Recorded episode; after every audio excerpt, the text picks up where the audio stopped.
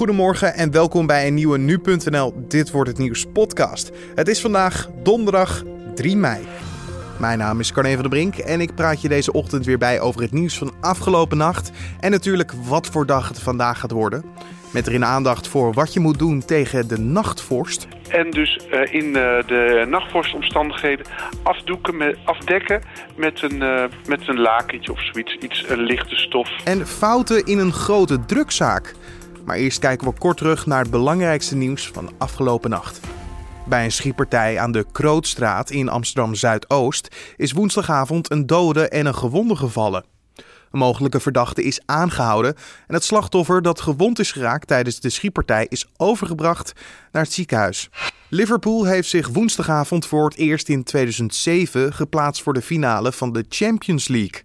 De ploeg van trainer Jurgen Klopp verloor weliswaar met 4-2 bij AS Roma, maar die zege was voor de Romeinen net niet genoeg voor de finale.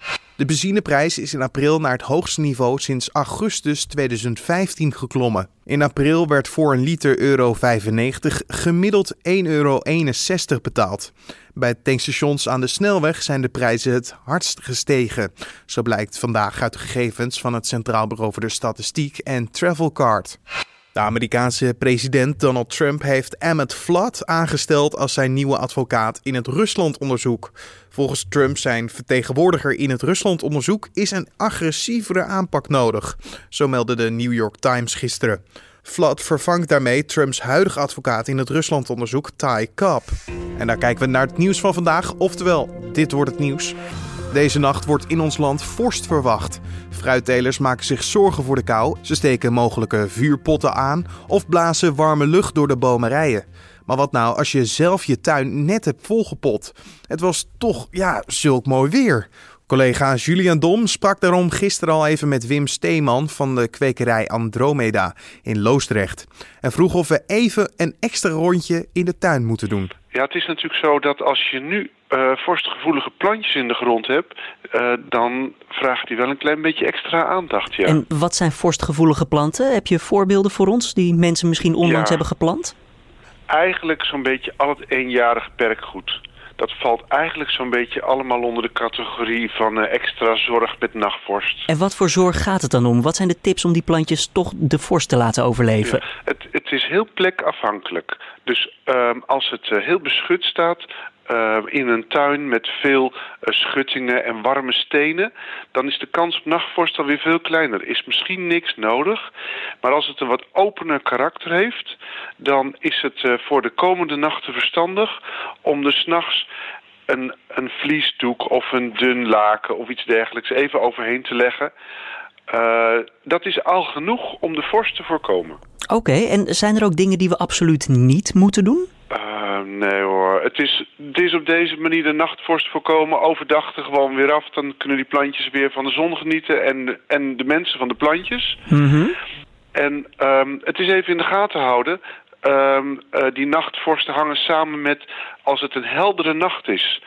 En afgelopen nacht, wij hebben ook moeten beregenen, uh, was het uh, volle maan... Um, heldere nacht, geen wolken. En vooral die geen wolken maakt dat het s'nachts koud kan worden. Als het overdag aan de frisse kant is, nu ook, hè, een graad of 14, 15. Ja. Dan kan het s'nachts onder nul zakken. Um, maar als er een wolkendek hangt s'nachts, dan is de kans op nachtvorst heel klein of bijna niet aanwezig. Een wolkendek beschermt de planten. Je zei net al eventjes, je hebt zelf beregend. Um, wat is dat en moeten we dat misschien ook in onze eigen tuinen gaan doen? nee, ik zou dat in de eigen tuin niet doen. We hebben hier een kwekerij en daar moeten ook de jonge planten, de jonge scheuten uit de planten moeten beschermd worden voor nachtvorst. En uh, dat doen we door uh, beregening. Het klinkt een beetje raar, maar het is zo dat het water wat uh, op de planten komt, dat bevriest en het proces van bevriezen geeft energie. Die, dat, zolang het niet volledig bevroren is, blijft het op precies 0 graden. Mm -hmm. We voegen iedere keer water toe, zodat het nooit helemaal bevroren raakt, maar continu aan het aanvriezen is. En het aanvriesproces houdt de temperatuur op precies 0 graden en beschermt dus de jonge plantjes. Komt het steeds vaker voor dat de vorst nog ja, zo in mei zich laat zien? Oh nee, dat kan wel tot en met juni gaan. Tot en met juni? Alleen dan is het uitzonderlijker. Het is de combinatie van ehm, wat frisse dagen, maar dat het dan toch opklaart. Zoals nu naar buiten, echt lenteweer. Hartstikke lekker zonnig, maar eigenlijk fris. En als het dan nachts, s'nachts um, uh, ook geen wolkendek is, Mhm. dan kan de temperatuur s'nachts onderuit zakken. En op zeg maar klomphoogte kan het dan dus een paar graden vriezen. En dat kan in open delen, eh, kan dat eerder gebeuren. En dat kan net gewoon de jonge nieuwe plantjes in de tuin, het perkgoed met name, zou dat eh, kunnen laten kapotvriezen. En dat is zonde. Ja, dat, dat moeten we niet Nee. hebben. Hey, ik heb wel eens gehoord dat mensen wel eens praten tegen planten of misschien wel zingen. Ehm, Is daar iets van waar? Kan dat helpen? Nou, het is vooral heel goed voor de eigen gemoedsrust. Zingen en praten en zo, dat is heel goed voor de mensen zelf. Maar volgens mij hebben de planten geen oren, dus die horen het verder niet. Goede verzorging vinden planten wel overigens fijn. En dat is vooral ehm, als het droog is, water geven en ehm, misschien een beetje bemesten. En dus eh, in eh, de nachtvorstomstandigheden afdoeken met, afdekken met een, eh, met een lakentje of zoiets, iets, een lichte stof. Dan heb je het goed verzorgd en dan zijn de planten daar heel blij mee. Wim Steeman was dat van kwekerij Andromeda. Ook de komende nachten is er lokaal kans op vorst aan de grond. Dus neem maatregelen als je denkt dat het nodig is. Door fouten van het Openbaar Ministerie worden 22 verdachten van een grote drugszaak in Zeeland niet langer vervolgd. Ze hebben een schikking getroffen met het OM. En zeven personen hebben echter niet geschikt en ze staan nu tegenover het OM. Daarbij gaat het niet om de drugszaak, maar om de vraag of justitie het recht op vervolg heeft verspeeld. Je hoort rechtbankverslaggever Joris Peters over om wat voor drugszaak het eigenlijk ging. Ja, ja nou, het ging eigenlijk om, een- om, een- om een bedrijf in Capelle, een hoogwerkersservice eh, in, in, in Zeeland. Mhm. Eh, en dat bedrijf zou zich eh, bezig hebben gehouden met zowel het verbouwen eh, als het exporteren van, eh, van hennep. Dus ze zouden eigenlijk een soort drugslijn eh, beheren. En welke fouten heeft het OM dan nu gemaakt in die zaak? Nou, het, eh, wat het Openbaar Ministerie heeft gedaan, ze zeggen zelf overigens dat ze het niet eh, expres hebben gedaan. Ze hebben verschillende officieren van justitie op die zaak gehad door verschillende omstandigheden.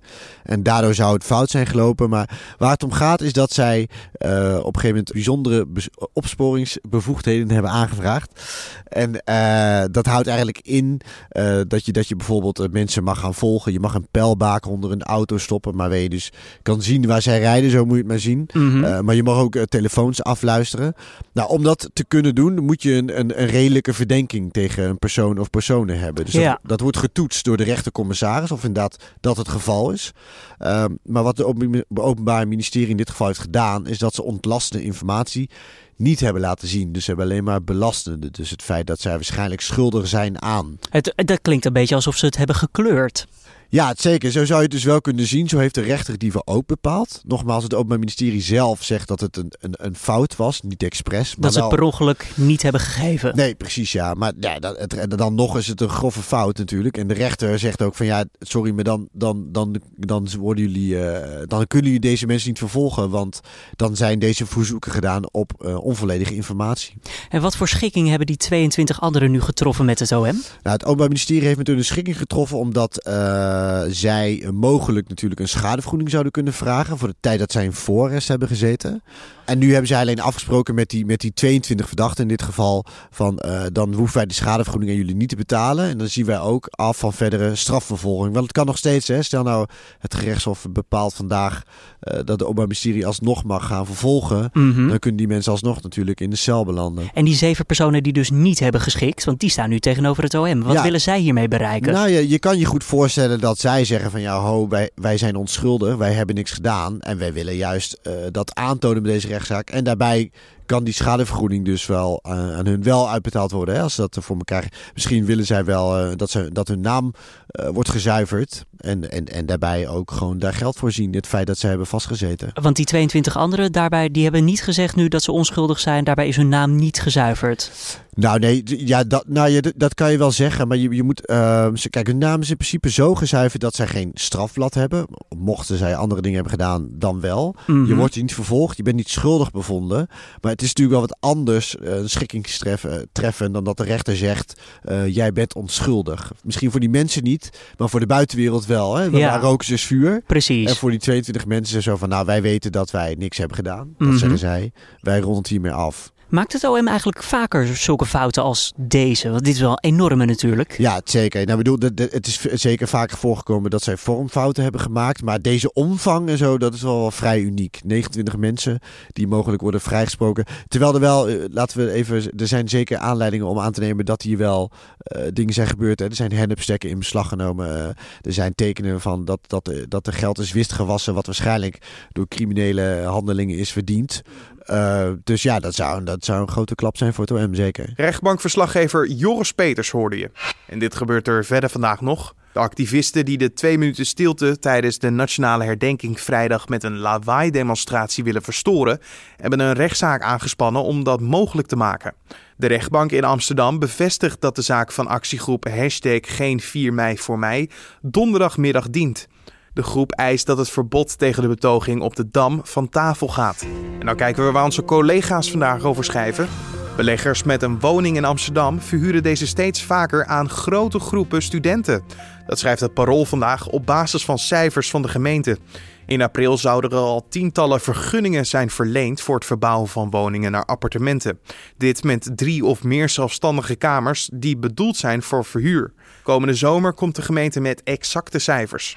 Academische ziekenhuizen en farmaceutische bedrijven uit 20 Europese landen krijgen een onderzoekssubsidie van 130 miljoen euro.